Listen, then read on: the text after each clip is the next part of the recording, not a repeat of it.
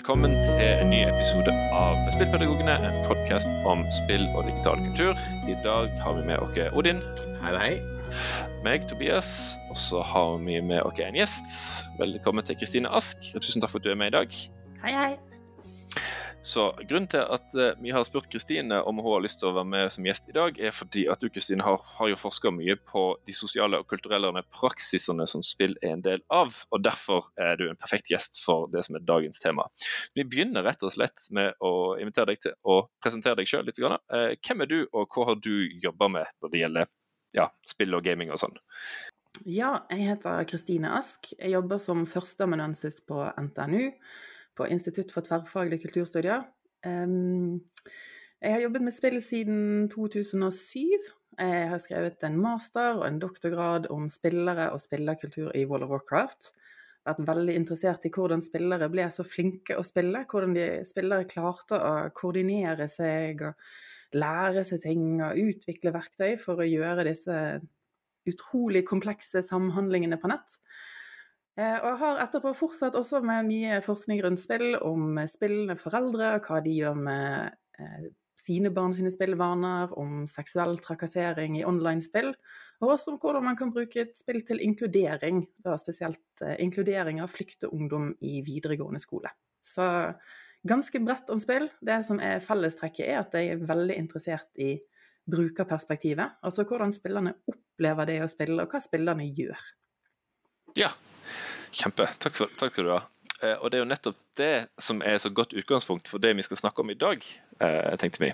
Så temaet for eh, episode, denne episoden er at game, spill og læring er ikke det samme. At, altså, at, at, de for aktivitetene som vi forbinder med spilling og gaming, ikke nødvendigvis er det samme, ikke alltid er det samme som det som foregår eh, i skolen. Så Et av utgangspunktene eh, for denne episoden er en artikkel som jeg fant mens jeg var på tur i faglitteraturskogen. Eh, den er skreven av eh, en godt voksen herre, en som heter Wim Westera. Eh, han er fra Nederland, og han er for meg ukjent i alle fall, helt til nå, men jeg syns han fortjener mye mer oppmerksomhet enn han har fått. Ikke bare har han skrevet et par vel ganske interessante og gode artikler om spill og læring, han har òg en YouTube-kanal med altfor få views, etter mitt syn, eh, der han har veldig sånn fine tre-fire-fem minutters snutter der han snakker nokså opplyst og klart om forskjellige eh, elementer, temaer fra spill og læring. Artikkelen vi uh, tar utgangspunkt i dag, den heter 'Games are motivating, aren't they? Disputing the arguments for digital game-based learning'.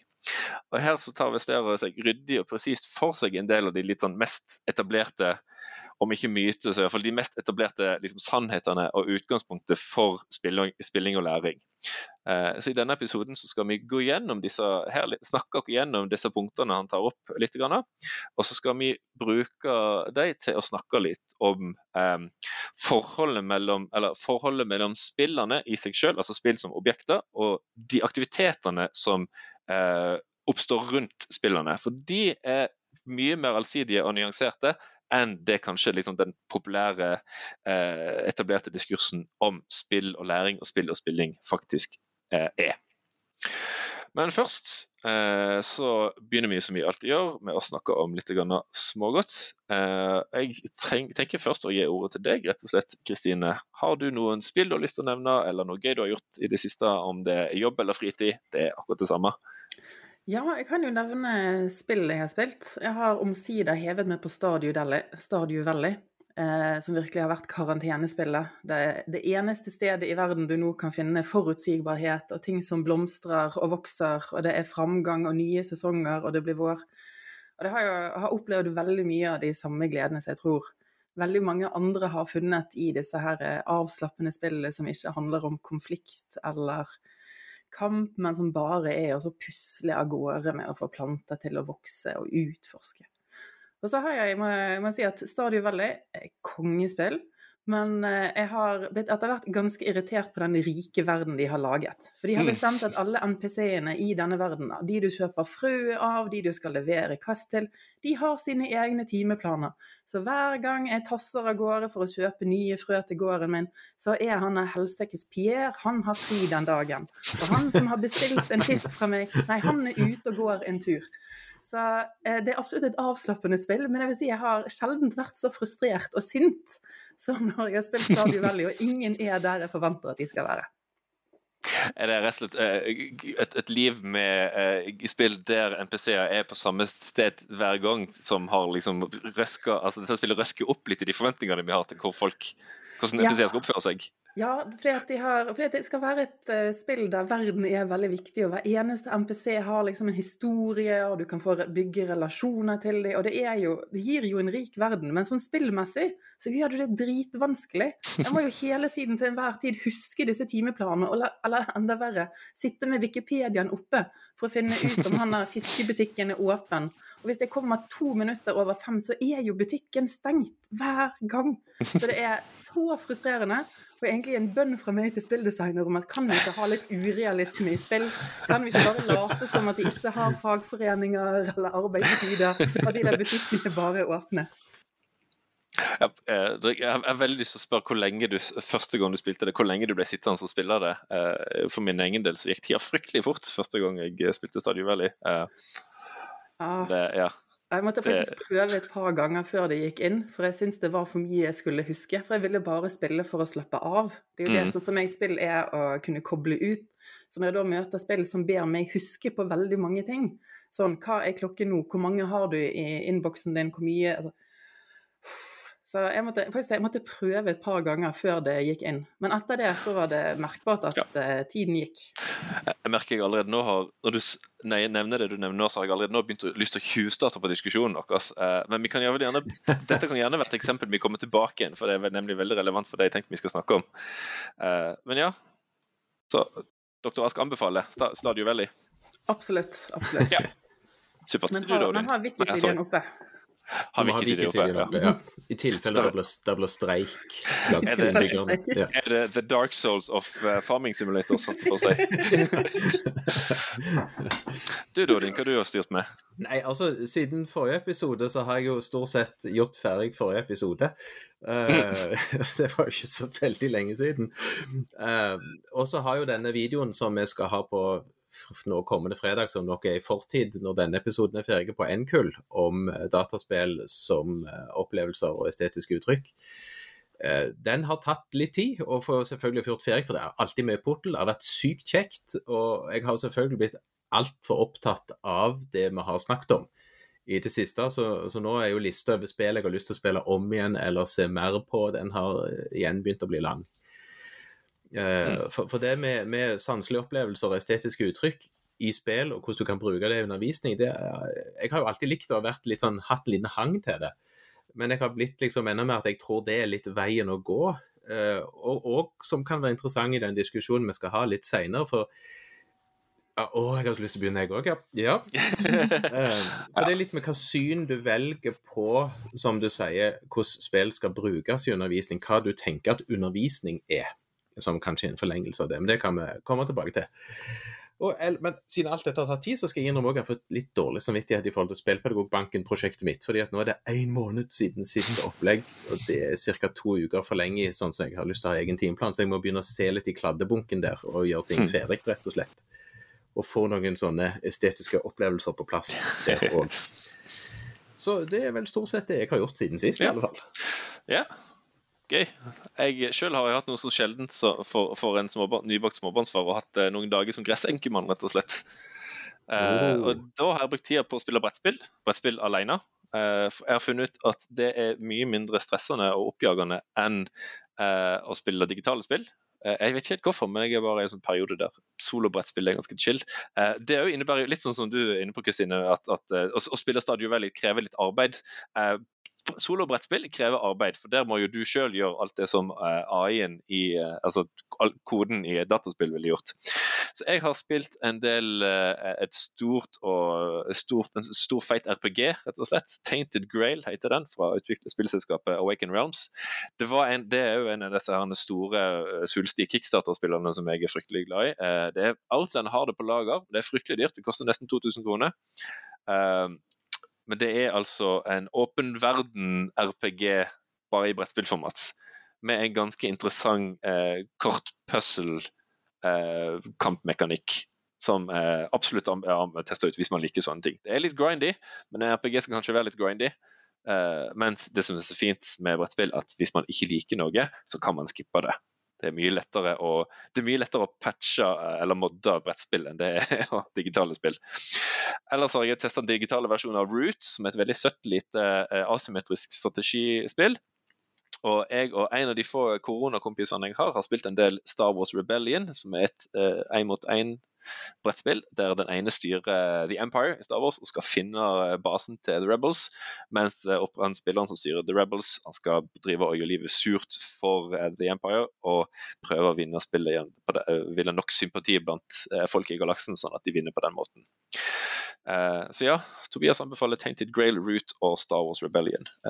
Jobbmessig så har jeg egentlig ikke gjort så mye. Jeg ligger nå og marinerer i denne ph.d.-suppa som jeg ligger og lengter litt tilbake til lærerlivet, må jeg innrømme. Men de, si, den, fer den ferden der tenker jeg vi skal spare til en senere episode.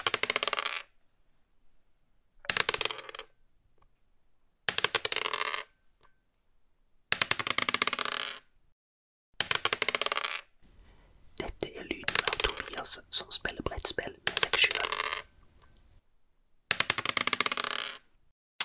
Så da tenker jeg vi hopper videre til temaet for dagen. Um, vi skal altså ta utgangspunkt i denne artikkelen uh, 'Games are motivating, aren't they?' Og Der har han Wim Westera. Han, han skriver, begynner, å, begynner uh, Vi kan godt skrive, begynne med litt mer introsekvensen til artikkelen, for den syns jeg er ganske saftig. Kristine, um, hva, hva syns du om det han Wim Westera skriver i introen til artikkelen? Ja, jeg må jo si at jeg syns jo introduksjonen til artikkel, og kanskje egentlig, egentlig sammendraget av artikkel, første siden av artikkel, var vel kanskje det beste med hele artikkel. Mm. Eh, jeg kjenner at uh, utgangspunktet, det å kritisere en del ting som vi tar for gitt, og forteller hverandre om igjen og om igjen når man prøver å promotere spill for læring eller spill for skolen, det å virkelig gå i møte med en del av de antagelsene der og kritisere dem, jeg tenkte det ja, jeg, jeg, fikk kjempelyst å lese resten etter å ha lest den introduksjonen. Jeg er veldig, veldig enig i at det er en del eh, det er en del ting man sier om spill, som at de er motiverende, at de spill betyr innlevelse, spill eh, selvdreven selv, eh, læring. Det er en del av de påstandene der som bare ikke stemmer med forskningen, som ikke stemmer med det som skjer i virkeligheten. Så jeg syns det var kjempegøy å få noen som prøvde å samle en del av disse, og gå kritisk til verks. Men eh, et godt utgangspunkt betyr jo ikke at det blir et godt resultat. Så jeg har, jeg har jo en del kritikk til han kritikken å by på etter hvert. Det kan jeg, kan jeg allerede spoile. Mm, det vet jeg du òg har, eh, Odin. som i vi skal, på, på, samme måte som vi ikke skal ta all forskning på spill og læring for god fisk, så skal vi ikke ta all kritikken av forskning på spill og læring for god fisk. Uh, det går an å både like, mis, altså, like ting og mislike ting av det samme. Uh, men hva var det var hooken? Hva var det, liksom du, hva var, hva var det den som hooka deg holdt på å si, i allerede i sammendraget? Kristine? Um, for meg så var det kanskje denne posisjoneringen av eh, spillentusiaster som litt sånn eh, evangeliske og misjonerende. og etter å ha har vært, uh, jobbet mye med spill, og også noe med spill og læring, så er det noe jeg kjenner igjen. Altså Det er en ekstrem entusiasme og noen ganger veldig sånn ensidet fortelling om spill som kommer frem. Og uh, der jeg satte pris på det sånn ca. 2010, da syns jeg det var veldig drivende og uh, interessant nytt perspektiv så merker jeg at i dag at jeg må på en eller annen måte kjempe like hardt mot spillentusiastene som spillkritikerne, mm. om vi skal få et mer liksom, riktig blikk av hva spilling kan gjøre og ikke gjøre. Ja, jeg har veldig samme opplevelsen. Jeg pleier å si jeg tror jeg har sagt tidligere ganger, at sannhet pleier å være normalfordelt. altså, de, de, de, to ekstreme punktene er sjelden korrekte. Uh, nyansene ligger i midten et sted. Skriver, men jeg er helt enig med at det er litt sånn Han skriver en, en uttrykk fra artikkelen uh, Just like surgeons tend to unconditionally believe in surgery and musicians truly believe in music. Jeg vet ikke om det er god sammenligning med den også. Uh, game-based learning experts believe in game-based learning and preach their application as if as it were a religious conviction. Uh, syns du, hva syns du om denne sammenligninga, Odin? Treffer han et eller annet her, eller er denne kritikken urimelig? Nei, jeg tror kritikken er berettiget, uh, men den er jo litt ut ifra hvilken målgruppe du faktisk da snakker med. Mm. Uh, for jeg òg irriterer meg altså, over hvordan diskusjonen foregår litt sånn i mediene ofte.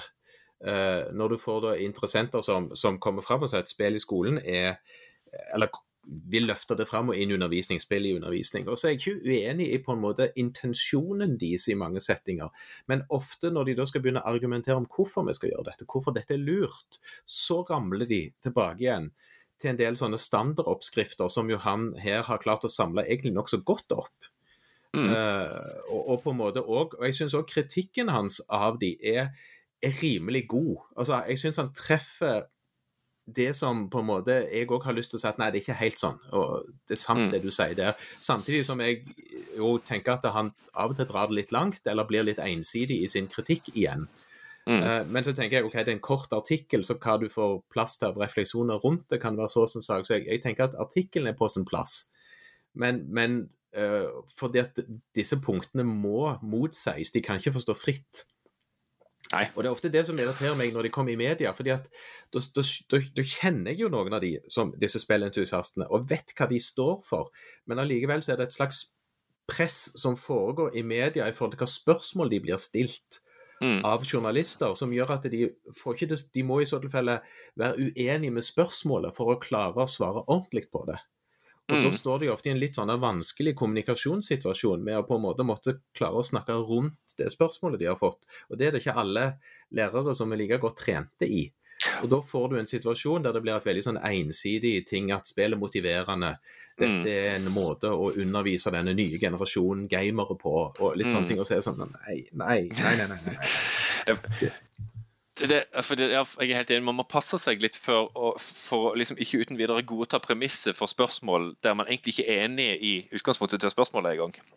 Um, før vi løper av gårde fullstendig, så vi bare uh, stopper og for- å gjøre, klargjøre det her litt mer for lytter, publikum. så er altså Hovedpoenget til henne Vestere er altså å, eh, som dere sikkert har skjønt, å ta utgangspunkt i disse her nok-sagthetene og liksom selv, litt sånn åpenbare selvforklarende argumentene for spill og læring. og så, så, så ja, han, han går liksom hele den diskursen nærmere i sømmene og kikker litt nøyere, altså ser litt grundigere på hvorvidt den de veldig sånn generelle og ofte litt vage liksom, virkeligheten som både forskning på spill og læring, en del av forskning på spill og læring, og litt mer sånn populær snakk, snakk om spill og læring driver og tegner opp. Så han har eh, han har altså samla, sausa i hop sånn, sånn, de mest vanlige argumentene og delt de inn i tre grupper. Han, det første er engasjement, eller motivasjon, eller hva du skal kalle det. Det andre er læring, og det tredje er spillet sin påvirkningskraft. Uh, vi kan ta den første kategorien først. For Der skriver han at, der sier han at hovedpunktene under engasjement er argumenter om at spill er motiverende, altså at spill er en aktivitet som folk har lyst til å ta del i. Eh, Det andre, andre delen er at mennesker er liksom predisponerte for å lære gjennom lek. Og det tredje er det her mye ofte snakker om det her med flow-argumentet. Ideen om at spill tilbyr deg en perfekt balanse mellom utfordring og evner, sånn at du blir totalt oppslukt i spillet. Eh, og at du derfor eh, vier liksom all din oppmerksomhet og all din mentale eh, hjernekraft til den aktiviteten som spillet tilbyr deg. Um, den andre gruppa er, med argumenter er dette som gjelder læring. Det første er at spill tilbyr deg en måte å eh, lære gjennom å, altså learning by doing, rett og slett. Eh, at spill gjennom at det liksom logger alt du gjør i spillet og registrerer alle tastetrykkene og prestasjonen din i spillet, så tilbyr spill en måte man kan drive og eh, hva skal si, overvåke og vurdere sin egen prestasjon i spill. Og derfor kan man, man derfor kan bli bedre gjennom det. Eh, et annet argument gjennom læringskategorien er at spill eh, setter læreren i førersetet, rett og slett, sånn at man kan eh, styre sin egen læringsprosess. Og Det siste delen under her er det at spill er mulighet for sosial læring. altså at man Spill er en sosial aktivitet som da gjør at man kan lære av eh, de andre menneskene rundt seg. Det siste angår eh, spillet sin påvirkningskraft, sin, ja, måten på, spill påvirker læringssituasjonen. Først og fremst så er det uh, the safety argument som han skriver, at spill uh, tilbyr trygge omgivelser for eksperimentering og, og prøving og feiling osv. Så er det et argument som angår litt sånn som du sa i stad, Odin, at eh, spill eh, mer, altså at uh, dagens unge, de, de digitalt innfødte, er vant til å lære gjennom spill. og Derfor skolen, uh, er det lurt av skolen å tilpasse seg uh, ungdommen ved å tilby et læringsmiljø som de er vant til. Og Det siste er at det finnes noen suksesshistorier som viser at læring funker. rett og slett. Og derfor, altså at læring kan påvirke, et spill kan påvirke læringsprosessen på en god måte. og Derfor bør man fortsette med det, rett og slett. Um, men jeg personlig, og dette kan dere gjerne være uenig eller uenig, eller ønsker å nyansere litt. Jeg lurer på om mange For det første så kjenner jeg selv igjen veldig mange av disse argumentene her fra det, både egne erfaringer og med oppmøte på konferanser osv. Og, så og etter hvert nå det jeg har lest av forskningslitteraturen, kjenner jeg igjen veldig mye av det her. Um, så jeg lurer, men jeg lurer på om mange av disse herene om vi skal si myter om spillbasert læring, eller hva det skal være, kommer av at man misforstår, altså man blander spill og spilling, og tror at man, altså de Kvalitetene her vil jeg påstå, er ikke kvaliteter ved spill som kulturelle objekter, men de er kvaliteter ved, med den kulturelle praksisen spilling. Da har jeg veldig lyst til å be deg, Kristine, eh, rett og slett eh, snakke litt om hvordan dette her står i forhold til det du sjøl har jobba med. For Du har jo forska som du sa, mye på Wall World of Warcraft-spillere. Og du, I ja. doktorgraden din så tar du utgangspunkt i det du kaller for ludisk arbeid. Ja, det, Ludes arbeid var et begrep jeg brukte for å beskrive all den jobbingen som spillere la inn for at det skulle være gøy. Uh, hele poenget mitt, da, som er relevant for dette også, det er jo at um, spilling er ikke alltid gøy, og jeg ønsker man en spillerpraksis som er, er, veld, som er veldig kunnskapsintensiv. Der det er veldig mye kognitive greier på, som foregår, og der man sam, spiller sammen, og det er en dyp innlevelse. Altså, det kommer ikke, kommer ikke seile på en fjell. Litt som når man har, må oppe Wikipedia mens man spiller Statuelli, rett og slett. For, eh, for eksempel det. Uh, så, så, så, så det. Men det som utgangspunkt så er jeg enig i at um, denne kritikken som artikkel løfter fram, den forholder jo seg til spilling som det var én ting. Som mm. at å spille var å sitte foran spillet, og så alle som sitter foran spillet, har på en eller annen måte den samme opplevelsen, eller kommer til å ha en lik opplevelse. Og at det eneste som er viktig i den opplevelsen, det er innlevelse. Som om at Og på den måten liksom usynliggjør alle de variasjoner av spillpraksis som finnes, fra eksempel, min, jeg beskriver Stadio Valley. Jeg har bare lyst til å ligge på sofaen og se blomster gro veldig sakte. Eh, min, min, kjære samboer, vi krangler om spill nesten hele tiden.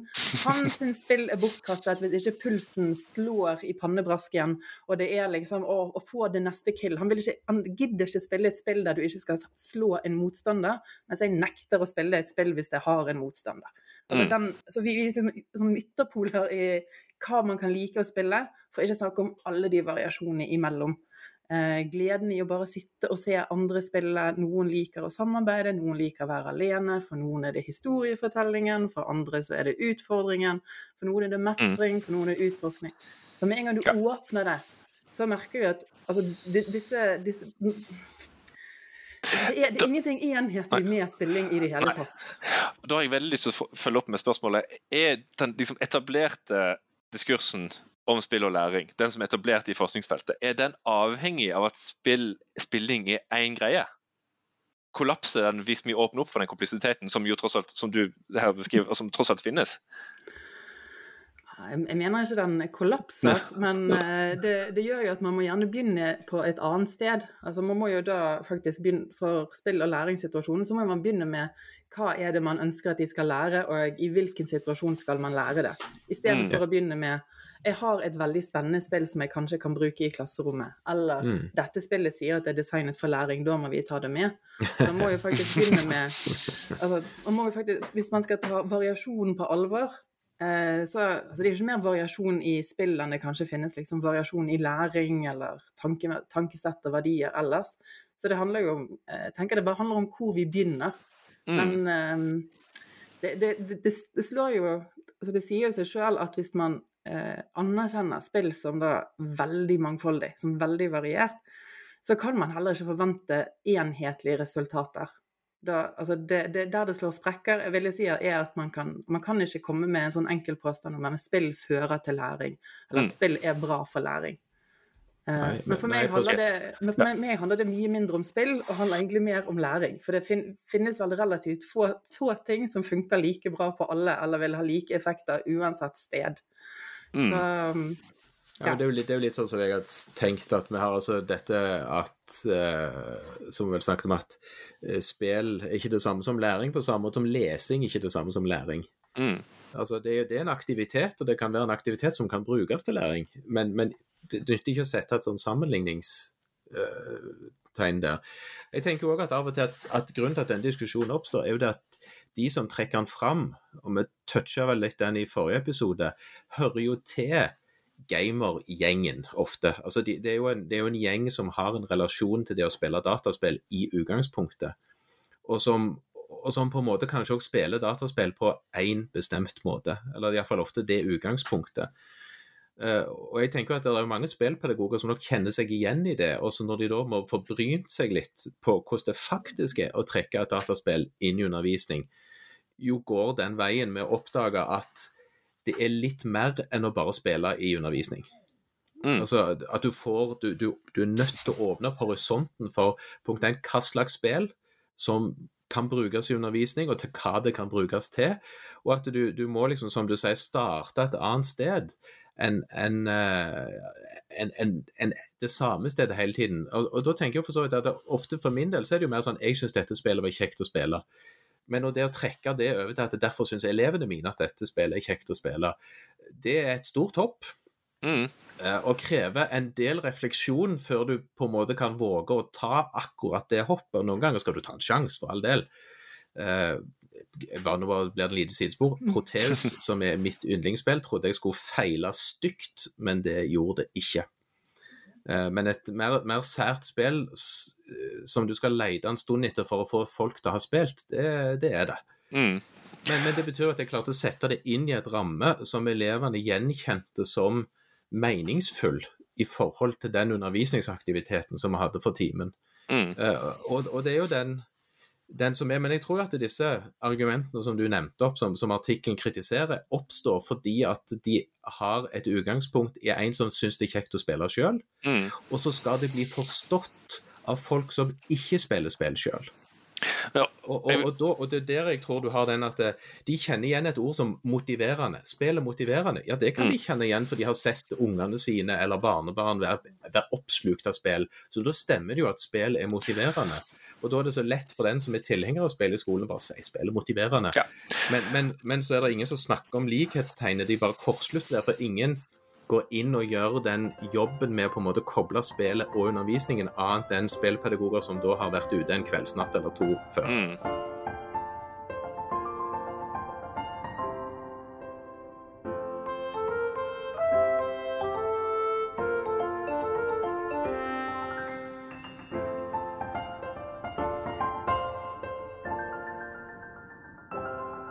Kan, vi kan begynne, ta, begynne med den første bolken her, om det med om engasjement. For det, altså, det kommer jo, Den kortslutninga du nevner, kommer jo fra at man har observert at å, veldig generelt da, barn og unge kjeder seg, kjeder seg på skolen, men de koser seg når de spiller. Hvis vi tar spillerne inn i skolen, skolen så vil de kose seg på skolen òg.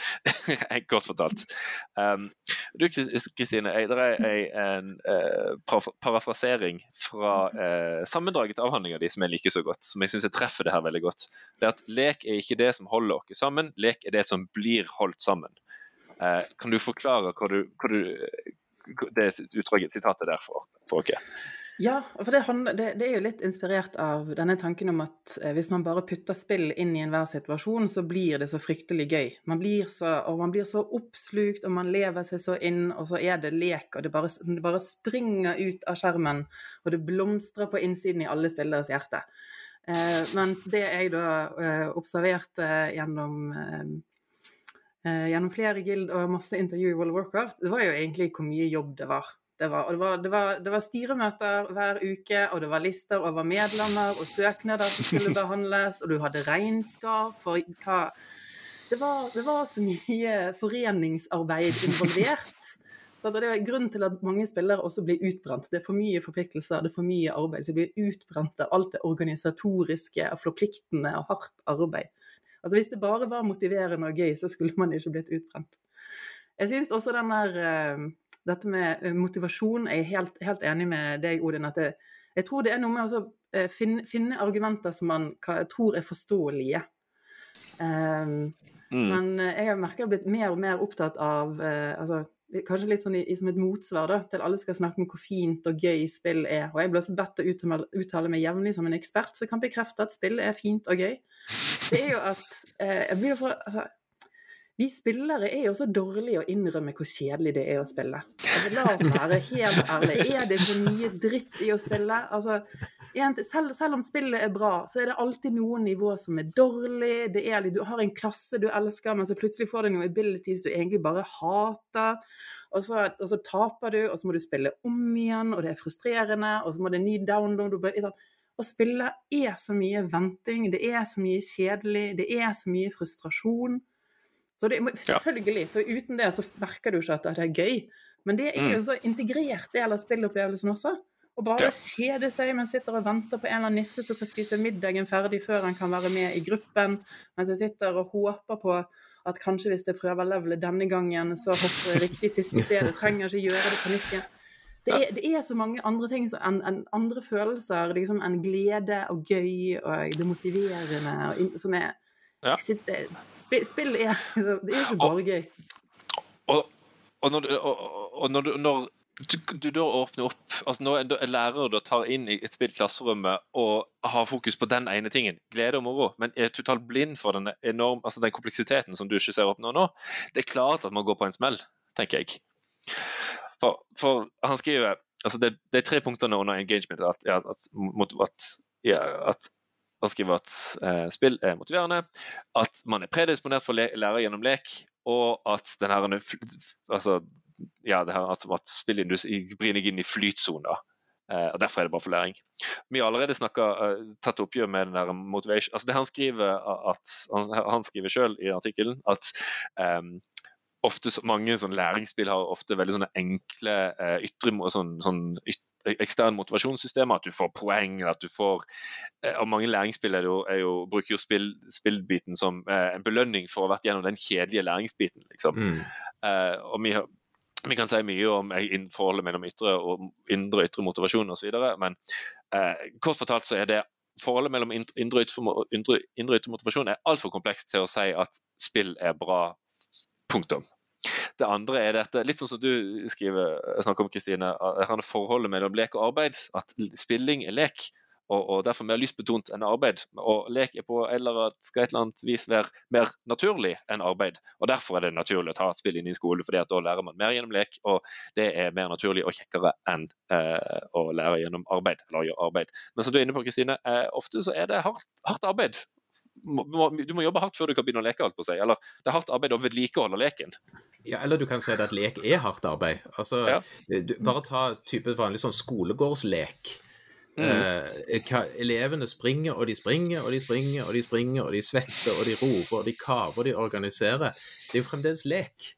Mm. Eh, men det er fryktelig mye arbeid, og hvis vi voksne skulle gjort, hatt det aktivitetsnivået som ungene har i lek, så hadde jo vi ligget strødd lenge yep. før, eh, før du kommer så langt. Mm. Eh, Så, så, men- det er vel mer det han skriver vel for så vidt litt sånn, eller plukker fram det at lek refleks er en slags universell måte å lære på.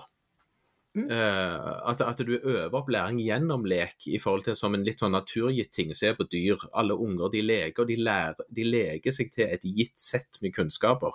Mm. at Hvis du selvfølgelig kunne fått til den modusen i det som skulle læres, Mm. så vil jo folk være villige til å legge ned mer hardt arbeid i læringsprosessen eller ikke. Men det å dermed si at du får til det med å Mm. bruke et spill, det er jo en helt annen dimensjon. For det handler jo den om om elevene opplever denne aktiviteten som meningsfull, og Mm. at de sitter igjen med et resultat som de opplever som en form for belønning, som er meningsfull i forhold til det arbeidet de må legge ned for å oppnå belønningen. Mm. Eh, og da er du igjen inne i denne store variasjonen over hva er det som, som, som du, Hvordan bruker du spill, og hva bruker du det til igjen? Og, og så ikke minst så er læring jo et, et, ut- altså et, et Hva skal vi si eh, flyktig begrep. Altså, vi, vi snakker jo of, som, Det vi egentlig snakker om i denne sammenheng, er jo formell læring. Altså læring som har et lærerdefinert eller pensumdefinert mål. Og, og det er jo ikke feil å si at læring, lek fører til læring, men om det fører til den læringa som, som, formell utdanning har som mål, det er ikke alltid sikkert. Og det er ikke engang sikkert de alltid er kompatible med hverandre. Um, Nei, men det der jeg, og der skal jeg komme inn litt på den som jeg har litt som, som kritikk mot hans artikkel som sådan. Det er at han jeg, jeg, jeg kan ikke sette fingeren helt på det. Det er et par steder det kommer litt tydeligere fram i artikkelen, men han sitter med et veldig bestemt syn hva som er hensikten med skole. mm, eh, og, og hvordan du oppnår den hensikten. Og så tar jeg meg den friheten til å være litt uenig med han. Og det, det kommer igjen litt dette med uh, nei, dette med, med, med at spill kan være gode for læring, argument, eller motargumentene hans, der jeg på en måte sier at det, Nei, det er, det, er, det er denne bredden i spill, og denne bredden i hvordan du kan bruke spill, som òg gjør at du kan ikke alltid si på forhånd hva elevene kommer til å oppleve, eller hva elevene kommer til å sitte igjen med. Men hvis du tar høyde for det i det du øh, syr sammen av et undervisningsopplegg, eh, så er jo det kanskje et mål i seg sjøl, at du kan Mm. bruke det i undervisning. At elevene sitter igjen med ulike erfaringer. At de sitter igjen med, med at noen ikke vil, at noen har lyst, noen syns det var kjedelig, noen syns det var kjekt. Så går Mm. faktisk det an, det i seg sjøl kan brukes som en del av undervisningsmetoden. Alt etter Mm. selvfølgelig hva du skal undervise om. mm, Men, men, men det på en måte, det begrenser jo ikke eh, det- Det begrenser jo Altså, det betyr at det han skriver her, går an å bruke. Du kan si at spill er motiverende hvis du tar høyde for at noen elever ikke syns det er det. mm. Altså, og, og, og, bruke det kanskje. at Du kan rett og slett snakke om hva gjorde spill, dette spillet motiverende. Hva var det som gjorde at du likte å spille? Hva var det som gjorde at Ja. du ikke det- likte å spille det? Det er jo ikke feil å si at spill kan motivere. Jeg har hatt flere elever som, for eksempel, som gløder av begeistring når de kan få lov å ha med spill på skjermene, f.eks. Syns de er kjempekjekt. Uh, selvfølgelig under mye veiledning, men, men et, et utgangspunkt det blir mye kjekkere for dem enn om hvis jeg skal tvinge dem til å lese tre tørre modernistiske romaner, f.eks. Eller ja, Altså, Av og til så ja. skal man jo det òg, men Jo, men, må, men jeg tenker jo, det er, vel, det er vel det vi sitter og snakker også her, at det, hvis du bare sier at spill er motiverende, så er det sånn Nei, det, det Mm. kan du ikke si. Nei. Men at spill kan være, ja, det kan de. Ja. Men, men det, det er hele tiden den rammen du rammer det inn i, som, som vil styre hvordan det Mm. kan brukes i undervisning. mm, Jeg synes syns også det, det som For å sette fingeren på hva jeg mener er en gjennom, et gjennomgående problem, eh, som ikke bare Det gjelder ikke bare han, dette gjennomgående problem i samfunnet, er at vi setter opp spill til en annen standard enn de teknologiene og de type eh, læringsteknologier eller læremiddel man hadde før. mm, Eh, fordi at altså, i, i spill- og læringsfeltet så ligger det en altså, som, jeg, som jeg er helhjertet enig i, det ligger en veldig viktig kritikk der til utdanningssektoren generelt. Utdanning som fenomen. Den ideen om at ja, men læring og moro er ikke motsetninger. Mm. At det er noe i leken som må inn i læring. At det kanskje måten man lærer på, trenger mer lek. Altså den, den, det som utgangspunkt, jeg mener det det, det føler jeg det er bare et argument som står seg sterkere og sterkere og blir viktigere og viktigere jo mer New Public Management som trykkes inn i skolen. At Oh, her, yes. her, trenger, her trenger vi lek, vi trenger den personlige utfoldelsen og prøvingen og feilingen. Det er fremdeles kjempevakkert eh, og viktig å ivareta. Mm. Det som blir problemet her, er jo da når man eh, forsøket på det er litt overdrevne, litt vel entusiastiske og misjonerende eh, innspill fra spillentusiaster. Det er at når man skal kritisere dem, så setter man spill til en annen standard. Sånne ting som mm. eh, foregriper kanskje litt, eh, men han kritiserer eh, eh, spill fordi at de ikke kan simulere fysiske eller faktiske hendelser godt nok. At man kan bli god i noe i et spill som simulerer, men du skal ut i den virkelige verden, og så viser det seg at det er ikke det samme. Og da tenker jeg, ja, men fortell meg hvilken læringssituasjon som perfekt forbereder deg på den virkeligheten du møter. Fin, finnes det noe sted noensinne? Ja. Sant? Eh, Dette med at de har tar tar ut ulike erfaringer fra spill og sitter igjen med vidt ulike erfaringer. Jeg Vet du, Det gjør de søren meg når de leser en bok Ja. også. Det er Mm. den ideen om at når det kommer til spill, nei, da må, det, å, da må alt være direkte og relevant, og alle skal ha det samme, og det skal være målbart. Nei, vet du hva?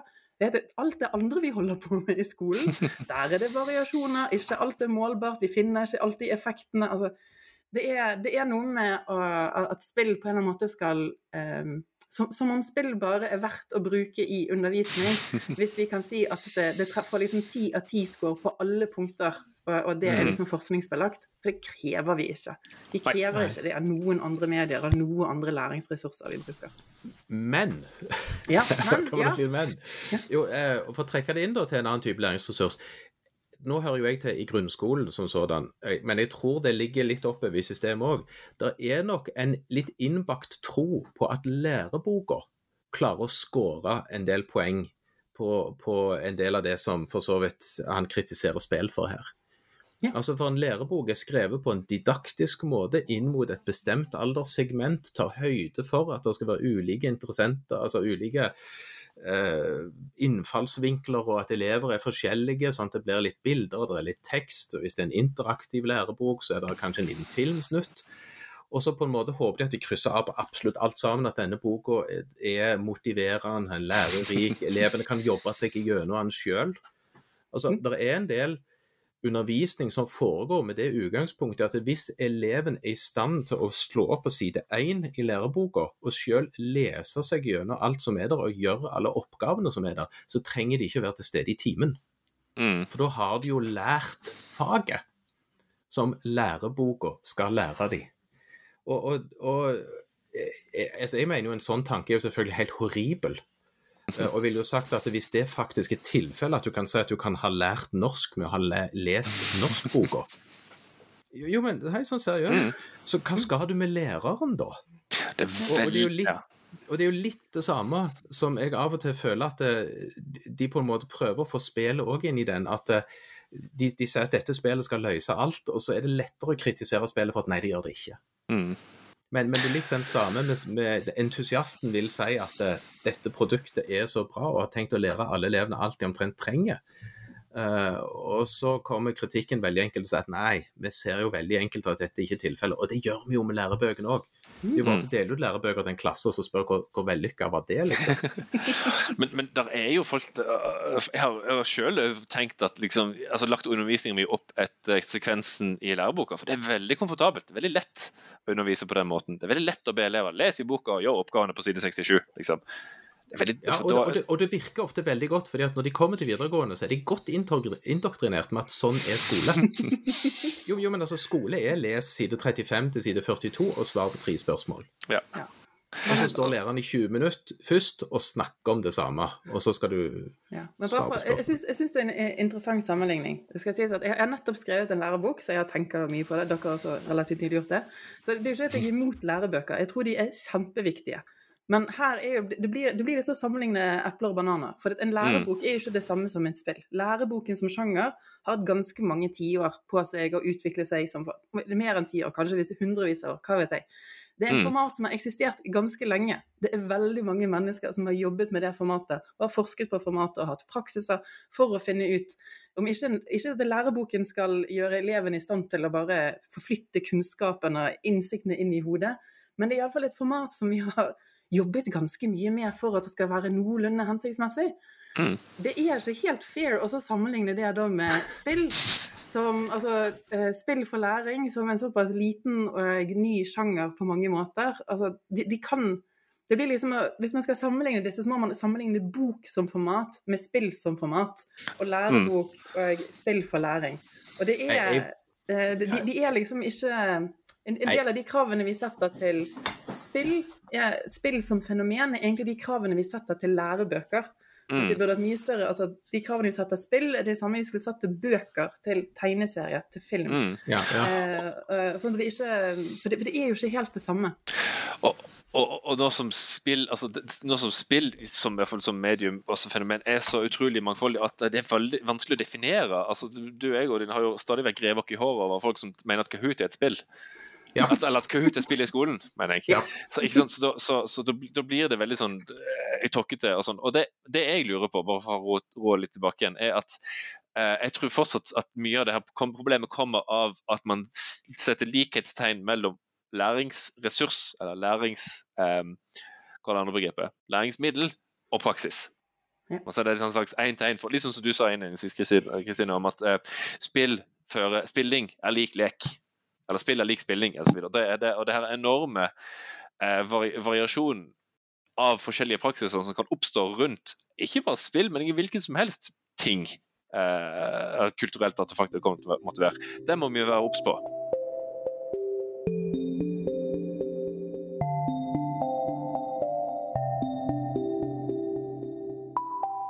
Da kan vi gå, hopp, skippe litt videre til eh, argumentene rundt det her med, med læring, som han skisserer opp. Altså først at spill tilbyr learning by doing. At eh, spill lar, eh, gjør det lett å, å, overvåke din egen prestasjon, og dermed ref, ved å reflektere over den og prøve å bli bedre, så lærer du mer. Og til slutt at spill eh, eh, åpner opp for å sette den lærende i, i sentrum, ved, ved førersetet. Eh, noen av dere lyst til å si om de tre punktene der? Altså, det som jeg synes er felles for alle tre, er at der tar han utgangspunkt at hvis du, at spillet skulle lært deg noe om du bare lar spillet stå for seg sjøl. Mm. Mm. Og så kritiserer han med helt med rette at det kan nok funke dårlig, og at du kan for så vidt løse det på en enkel måte, og det er med jevne mellomrom å ta en fot i bakken, der du som lærer kobler deg inn i prosessen som foregår, og, og hjelper elevene til å reflektere rundt det som er hensikten med undervisningen. Mm. For, for det å bare på en måte si at ja, nå bare spill spillet, og så lærer du deg det du skal lære deg av dette, det altså, da pleier jeg å si, da lærer du ikke mer enn det spillet har tenkt å lære deg for å kunne gjennomføre spillingen Om det. Om det. Ja, Ja, om det. ja, om det. Uh, og hvis det tilfeldigvis i noen få sammenhenger er tilsvarende noen kompetansemål i læreplanen, så får nå det så være, men de spillene er det ikke mange av. Mm. Altså, jeg syns jeg syns han løfter altså dette med eh, altså, Det er jo et, et velkjent argument som ikke han har løftet, at eh, spill, spill åpner for at man gjennomfører spillet uten å forstå systemet. Du kan, du kan komme videre i spillet uten å skjønne hvordan mekanikkene egentlig fungerer. Og for all del, jeg har også sjøl forsket på hvordan et, eh, et veldig fokus på resultat eh, i spillet, eh, liksom veldig sånn performance-oriented når man ser på hvem som har gjort mest skade eller får mest poeng, hvordan det da flytter, flytter fokuset i spillet til veldig, kan bli veldig konkurranseorientert, kan bli veldig individualisert, og kan til og med så flytte fokus vekk fra selve opplevelsen. Så, det er ikke det, altså, så jeg, skjønner, jeg skjønner hvor kritikkene kommer fra, men igjen, jeg er altså veldig enig med deg, Odin. Han, eh, hvis utgangspunktet ditt er at, eh, at spill eh, er noe som skal stå for seg sjøl, og du bare kjøper en spill og putter det i klasserommet og forventer at læringen skal skje på egen hånd ja, nei, altså, Hvis du setter opp den stråmannen, så har du satt opp noe som er ganske lett å kritisere. Mm. Men, men ikke det, jeg tror det er fremdeles noen som nesten oppfører seg sånn når de bruker dataspill i skolen. Det, ja, det tviler jeg ikke på. Ja, det, så, så, ja, ja, ja. så, Helt så at det er en ja. reell kritikk, ja, det, det er det nok. og, og mange av de case-studiene som altså, Min store sånn der, en, eh, hva skal jeg si, Ikke praksissjokk, men teorisjokk, eh, kan du kalle det, i, min, i starten av avhandlinga mi, var hvor utrolig merkelig mange av case-studiene om spill og læring er, er gjort. Altså, de behandler spill som en slags kjemisk ingrediens som du bare putter oppi petriskåler som er i klasserommet, og forvente en slags effekt, eller dokumentere den effekten som det skaper. Um, og, og så tror de at det de studerer er faktisk autentisk undervisning, og det er det jo ikke. At ingen lærere, eller veldig få lærere vil bare ploppe inn dokumentarfilm i klasserommet og så bare ja, nå har dere sett den, nå har dere lært det. Må stoppe ut, opp enten underveis eller på slutten av timen og, og flette dokumentarfilmen eller hva det måtte være, inn i resten av undervisningsaktivitetene. Så, så det å ikke ta høyde for økosystemet som er klasserom, skole, eh, nasjonalt utdanningsnivå liksom, altså det, det, du, du, du beskriver en annen virkelighet hvis du bare tenker at spill er den eneste avgjørende faktoren i et klasserom. Ja, og det, og, og det trekker jeg da sammenlignet med hvis du går og ser et dukkehjem på teater, Mm. eh, og så går du og spiller Gone Home i klasserommet.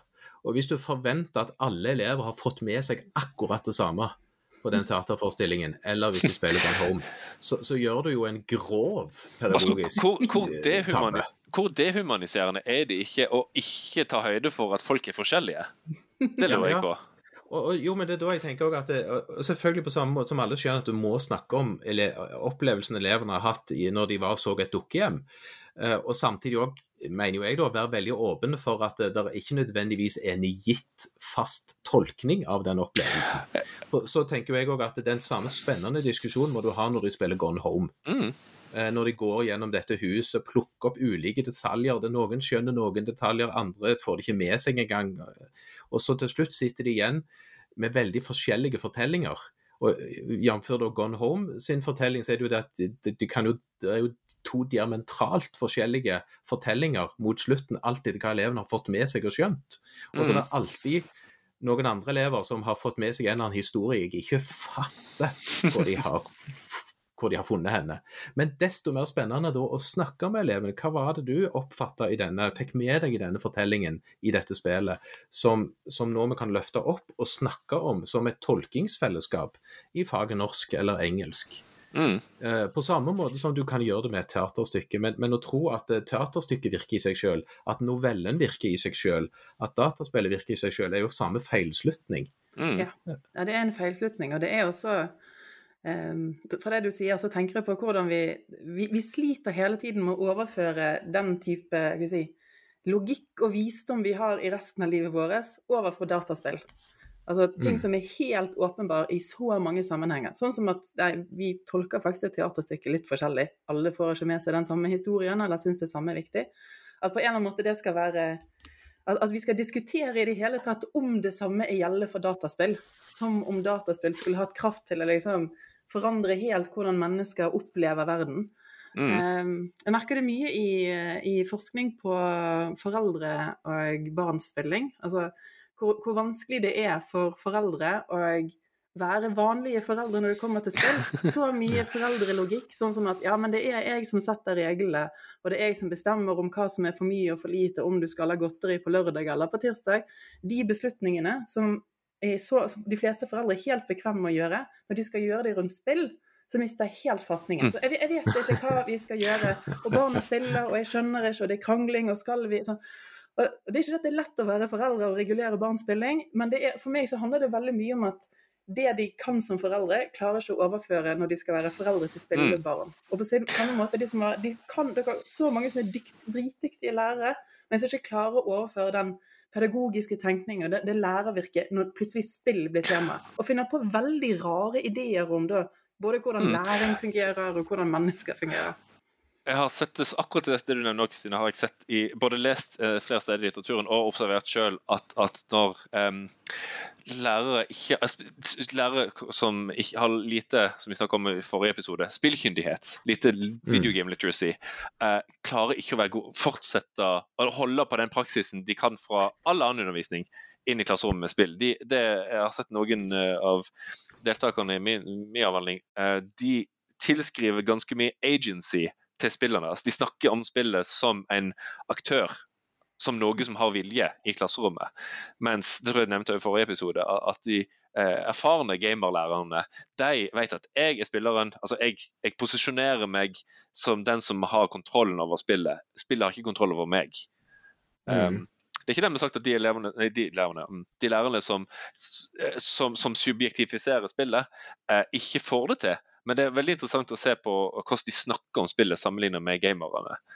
Uh, så ja. Mm. Um, men det, men det, tenker jeg, jo- det tenker jeg jo ligner jo litt på det der som, som er litt sånn mitt enkle mantra i det der, at hvis du som lærer kan ikke bruke et spill uten at du har spilt det, på samme måte som du ikke kan bruke en novelle uten at du har lest den, eh, eller, sett, eller bruke en film før du selv har sett filmen, det, du, du er ute på pedagogisk eh, dårlige veier da, hvis du, hvis du gjør det som lærer.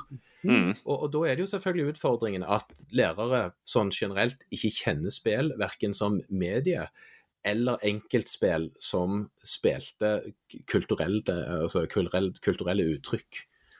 Eh, Mm. og, og da skjønner jeg jo at disse mytene oppstår. Jeg tenker at Hvis det hadde kommet et, altså, et helt nytt medie som ingen kjente til, og som plutselig skulle inn i skolen, så tror jeg de fleste hadde hatt et litt sånn ageforhold til, til å ta i det.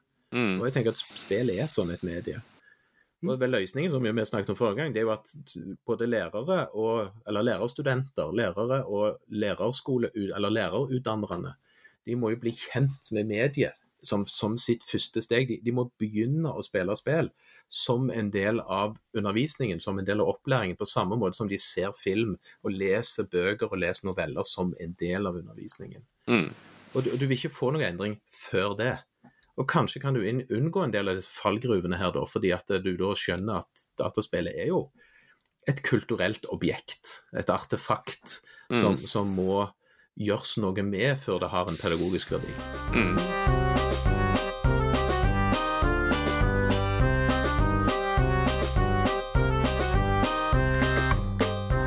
Det så trenger vi å hoppe videre til de siste punktene han skisserer opp i artikkelen. Det går på eh, spill, spillets påvirkningskraft på læringssituasjonen. og Der skriver han først at spill har mulig evne til å gjøre eh, prøving og feil, altså gjøre læringssituasjonen trygg. Man prøver og feiler, man eksperimenterer eh, i en omstendighet som ikke er så farlig, altså at det er ingenting har store konsekvenser. Eh, ideen om å, å imøtekomme disse digitalt innfødte og til slutt at um, det er flere sånn, uh, I forskningslitteraturen så er det flere sånn success stories som viser at spill bare funker. Um, ja, hva er noen dere har lyst til å si om akkurat de punktene der? No, noe har funka før, derfor funker det i morgen, holdt jeg på å si. Altså, du Kristine, nevnte jo dette med, dette med å etterligne virkeligheten. Uh, altså disse digitale ekskursjonene som at det er på en måte et sånn platt argument, fordi at det gjelder jo alt du gjør i skolen. Ja. Altså i, i hva grad kan skolen etterligne virkeligheten? Uh, og da er det på en måte hvorfor forventer du at et spill skal gjøre det? Og hvis det er en viss overføringsgrad, så er det kanskje bedre enn ingen overføringsgrad. Jeg, det er vel Alex, Jeg har lest det her flere, ganger, flere andre steder, men jeg, vet, jeg tror det er Alexander sitt eh, begrep dette med, med kunnskapsgapet. At spill er ulikt virkeligheten. Så du, du, hvis du sier om noe, hvordan noe fungerer Hvis du kan si noe om hvordan du kan si at spill, dette fungerer ikke sånn i virkeligheten. Ok, men hva skulle, hva skulle vært nødvendig for at spillet skulle vært som virkeligheten, da? Det er det en sånn forskjell mellom noe sånn som det egentlig er, og noe sånn som det er representert i spillet. Det, det, og avstanden der kan du fylle med ganske mye interessant refleksjon, tenker jeg. Så det, det er kanskje et didaktisk poeng at spill ikke skal være lik virkeligheten. På samme måte som eh, du kan utmerket fint eh, vise en dokumentarfilm for elevene dine og tenke ja, så spør de at viser denne dokumentarfilmen sånn som virkeligheten egentlig er, eller ikke sant? Altså, det er liksom åpenbart at dokumentarfilmer ikke er et én-til-én-forhold mellom virkeligheten. Ingenting er det. Det eneste som er likt virkeligheten, er virkeligheten sjøl. Ja, og hvis du da tenker det er denne Uncanny Valley, Mm. eh, som en ting at hvis spillet blir for likt virkeligheten, så kan du risikere at det, den likheten gjør òg at det blir mindre overføringsverdi, for det er ikke likt nok. At du, får, du vil ikke få abstraksjonsbegrepet, altså abstraksjonen inn engang. Uh, og dermed så blir det sånn mindre lærings- eller overføring av kunnskap mellom områdene. Og ikke bare det, men tenk så sykt overveldet den virkeligheten er. altså, Der skjer alt. Selvfølgelig er det viktig å kunne skrelle vekk litt av kompleksiteten som virkeligheten inneholder, for å gjøre det mer overkommelig for elevene dine. Ja, men jeg tenker jo bare, bare, jeg tenker bare overskriften 'Hazardless experimentation in a mimicked reality'. Ja. Det sier jo seg selv at det ikke er virkeligheten. Ja, ikke sant? Altså, hvis, hvis, hvis virkeligheten er fareløs, det er ingen mulighet for å gjøre noe som er reelt farlig, OK, det har ingenting med virkeligheten å gjøre, for virkeligheten er per definisjon farlig. Ja. Så, så, og da, men, men og dermed si at det ikke er fremdeles et poeng at bruk av spill kan ha en viss overføringsverdi, det er liksom litt igjen å ta litt godt i. Men Mm. jeg skjønner poenget til de som bruker det for glatt igjen Mm. og sier at, det- at det er en helt sånn A til B-overføring av, av dette. Ja. Nei, vi, skal, Eh. vi skal ikke altså Han argumenterer jo faktisk mot faktiske personer og faktiske påstander. Og selvfølgelig, Mm, ja. hvis du er en som nettopp har utviklet en simulator som skal hjelpe kirurger eller fremtidige piloter eller noen oljearbeidere og sånn, da må, du, da må du nesten påstå at dette her er en realistisk simulering som skal Mm. hjelpe arbeiderne dine lære den tingen de skal lære. Ja. Jeg skjønner det, at de er nødt til å selge inn dette som at dette er Se hvor likt det ser ut. Her får du en realistisk on the hands training uten kostnader. Så jeg skjønner jo at det er, det er folk som faktisk påstår det. Men Mm. eh, jeg, jeg, kan ikke, jeg kan ikke se at den, det egentlig er et sånn sterkt argument sånn mot simulatorer eller for simulatorer Nei. som, Nei, nei, nei. som et læringsverktøy. Og ingenting, ikke engang simulatorer brukes isolert, antar jeg. Nå er ikke jeg noen ekspert på liksom, pilotutdannelse eller sånne ting, men jeg kan se for meg at pilot, dagens pilotstudenter gjør mer enn bare sitte i en simulator. Eh, men at å bli pilot er mye vanskeligere hvis du ikke har en simulator. Det kan jeg se for meg. Det er, Men- det, mye, det er mye hyggeligere å øve på nødlanding i en simulator. Ikke sant? Ja. Det er åpenbart. ja. Eh, og, og, Men, men, jeg tenker, men jeg tenker det andre han presenterer for dette her med å tilfredsstille eh, jeg håper å si, den digitale generasjonen, eller hva man skal kalle de. mm, Eh, og der han på en måte sier at eh, han kritiserer dette med at det selv om de eh, unge elevene vil sette pris på at det blir spilt eh, seriøse spill i klassen, så det, kan det stille spørsmål om disse spillene møter elevene sine forventninger, siden dette ikke nødvendigvis er et sånn trippel A-spill som de sitter og spiller hjemme. Og, og da ble jeg litt sånn ja, hvis, hvis det var det som var kritikken mot akkurat det poenget der For jeg, jeg pleier ofte å si disse digital natives at det ikke handler om hva de kan, men det handler litt om hva de forventer. Og da blir jeg litt sånn rundere i kantene. Eh, Når jeg ser på junior her hjemme, så pleier jeg ofte å trekke fram han forventer at musikk er tilgjengelig. Altså, og, type Spotify, at nesten uansett hva enhet han er på, så kan han finne musikken sin der. Mm. Altså, Musikk på CD som fysisk må kjøpes og settes et sted, er på en måte ikke en del av hans forventningsverden. Ikke det at han forstår teknologien i Spotify noe bedre enn jeg gjør, eller hva som ligger i teknologi sånn, i digital musikk generelt, men hans forventning til hvor, hvordan han finner musikk og hva han bruker musikk til, er radikalt annerledes enn jeg er vokst opp med. Og jeg kan kanskje ikke forstå hans måte å tenke rundt musikk på den måten engang, fordi jeg er en innvandrer i den verden som han er vokst opp i. Og det tenker jeg kan gjelde bruk av dataspill sånn per se. At nå har vi et helt kulturuttrykk som ikke eksisterer i skole. Eh, og som da elevene i dagens skole hadde syntes var hyggelig om det iallfall ble anerkjent at det finnes et kulturuttrykk som heter dataspill, som vi faktisk bruker i skole. For vi viser ikke nødvendigvis filmene de velger å se på Netflix i skole. Men allikevel så bruker vi film, og vi bruker da et kulturuttrykk som, som de gjenkjenner fra sin hverdag. Og på den måten mener jeg at ja, det er et argument å trekke inn spill fra, den sida. han, han, på samme måte som han imøtekommer altså han, han kritiserer veldig generelle påstander om spill og læring, men han er jo litt generell i kritikken sin, som både dere to har nevnt Ja. allerede. Eh, For jeg tenker jo som så at av og til er det et poeng i også utgangspunkt i et spill elever kan godt fra før. Jeg har en elev som skrev hele særemnet sitt om The, uh, The Witcher 3. Og jeg ga han faktisk en artikkel, altså en ordentlig Game Studies-artikkel. Jeg ga han den uh, uh, ludonarrative modellen til Espen Aarseth.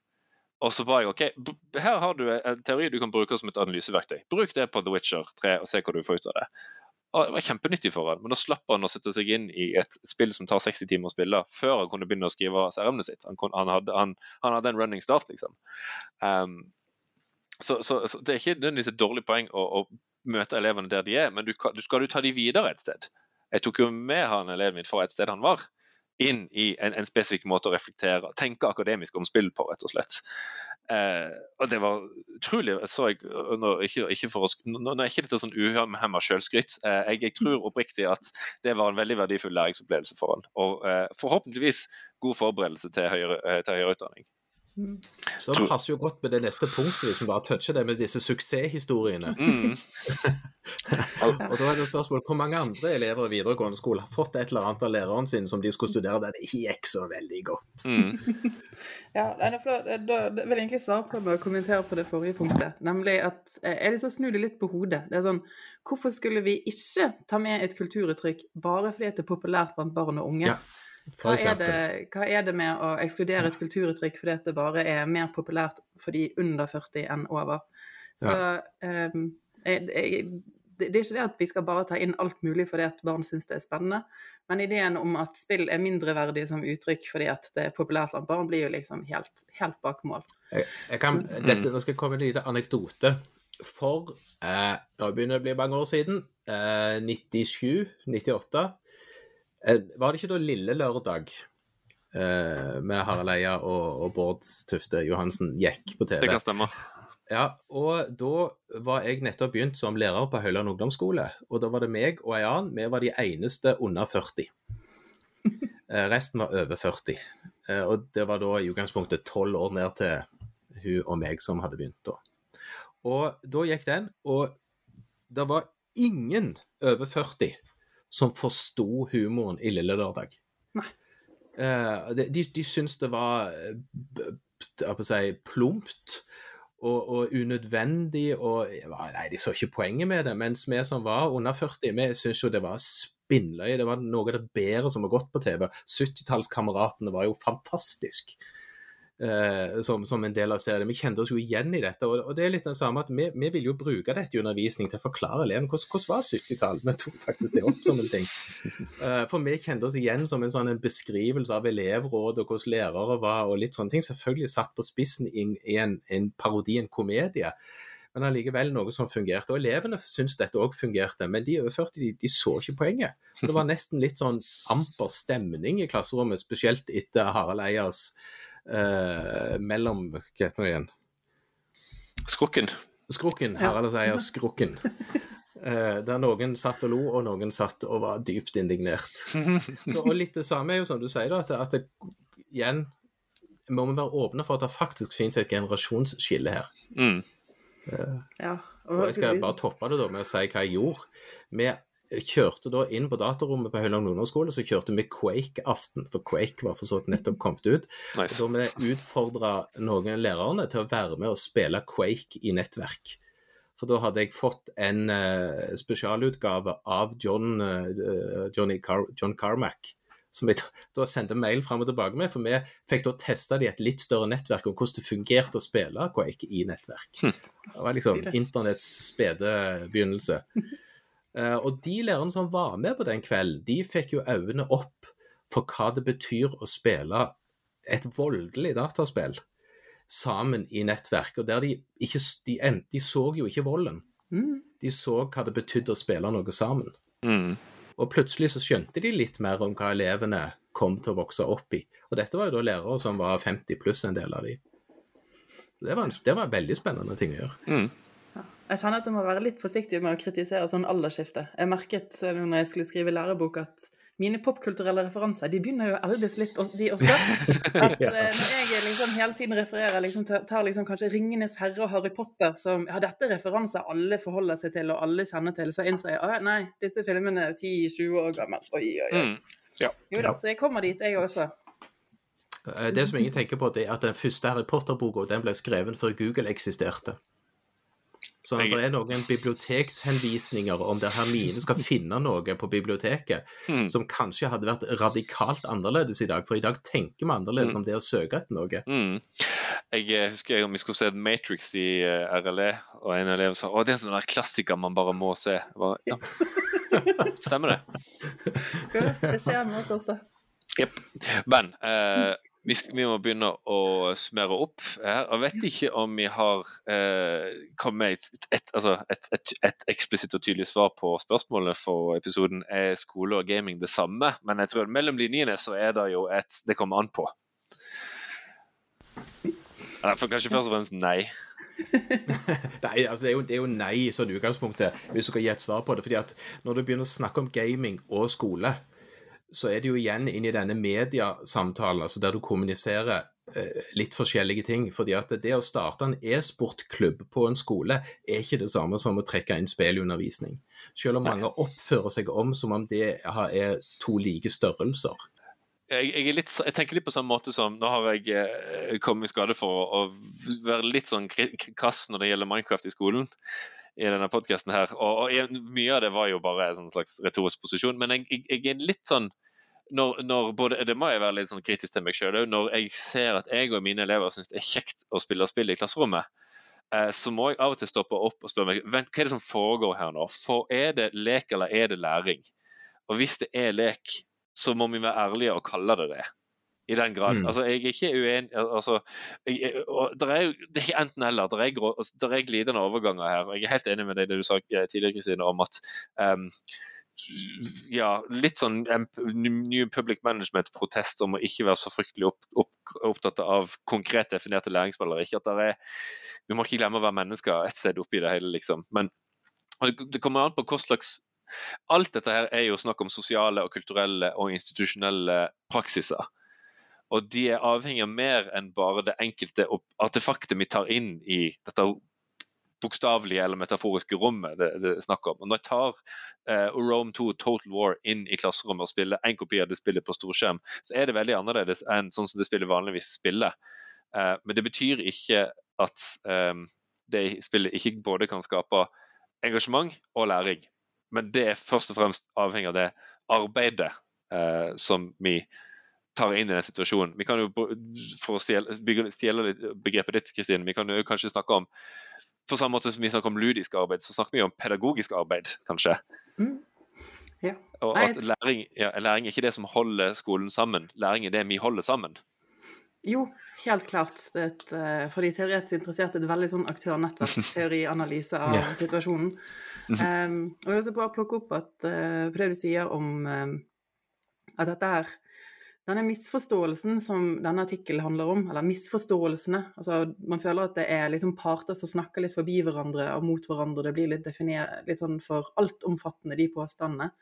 Så tror du er veldig inne på noe riktig, her, Tobias, at eh, det handler om forskjell på å snakke om spill og spilling. Og jeg tror Mm. også at vi kanskje hadde hatt litt mindre misforståelser om vi snakket om spilling. Fordi at med en gang man begynner å si at spill har en gitt effekt, så er man stort sett ute på, på tynn is. For det er veldig sjelden at en, enten et medie eller en teknologi har en enhetlig effekt. Det er nesten, Mm. nesten aldri. Nei. Så Mm. kanskje hvis vi, eh, at vi snakker mindre om spill i skole og mer spilling i skolen, så, så kommer man kanskje unna noen av misforståelsene også. Mm. Det kan vi jo si, For lenge siden, og begynner å bli noen, et par år siden i alle fall, så var det Tobias som jeg satt ned og tygde litt på noe sånn hva klinger godt når vi skal prøve å snakke om eh, Istedenfor å si læringsbasert spilling Mm. Eh, Nei, istedenfor spillbasert læring. Mm. er det. Så, så for det er jo den direkte game-based learning. Og da er det jo spillbasert læring. Mm. Uh, og så var det jo da at det bare plutselig ramla ut, jeg tror det var du Tobias, som bare drodla litt til alle slags måter å si ting på, at du fikk den læringsbasert spilling. Mm. At vi syns det er et mye bedre uttrykk i forhold til hva vi ønsker å få til. Det er at ja, vi skal spille. Mm. Eh, og at det skal være læringsbasert den spilling vi gjør. Og da knytter vi oss til aktiviteten, og ikke nødvendigvis spillbasert læring. Mm. Der du har et spill i fokus istedenfor å ha spillingen i fokus. Mm. Men, men samtidig, så det er sagt, siden vi har snakket en del om dette med dataspill som kulturuttrykk, og at det er likheter mellom de ulike tingene, så har jeg jo lyst til å trekke fram at jeg mener jo likevel at det er forskjeller på å spille et spill og det å lese en bok. Ja, I det forhold til hva du Ja. kan sitte igjen med eh, som av nytteverdi i en undervisningssituasjon. Og jeg Mm. mener jo at det, at det er knytta til at det har andre muligheter som andre medier ikke har, spill, at spillmedier har det. Eh, Og at det er knytta til, til opplevelser, stort sett. At du kan ta utgangspunkt i andre typer opplevelser som du sitter igjen med. Og òg da refleksjoner rundt dette, eller òg refleksjoner rundt hvordan dette mediet kan bli brukt til eh, å mediere andre ting igjen. Mm. Det er jo det spilldidaktikk handler om. Hva kan jeg gjøre med Ja. spill som jeg ikke kan gjøre med andre ting? Ikke noe som gjør noe Ja. bedre enn andre ting, men andre ting enn andre ting. Det Ja. en veldig presis setning. Jo, men- jo, men jeg tenker det, det, jeg tenker det er også litt viktig å holde fram, og faktisk mene at dataspill i undervisning, eller spilling i undervisning, kan gi undervisning noe nytt som de andre mediene ikke kan gi, i, i seg sjøl. Mm. Og, der, og derfor så er det en egenverdi å trekke inn spilling i undervisning. Mm. Right. Og så får vi jobbe med å, å finne de gode måtene å gjøre det på, selvfølgelig. Ja. Jeg tror det jeg lar det som står som siste ord i denne diskusjonen her. Eh, Da sier vi takk for at dere hørte på denne episoden av Spillpedagogene, og ha det bra og på gjenhør.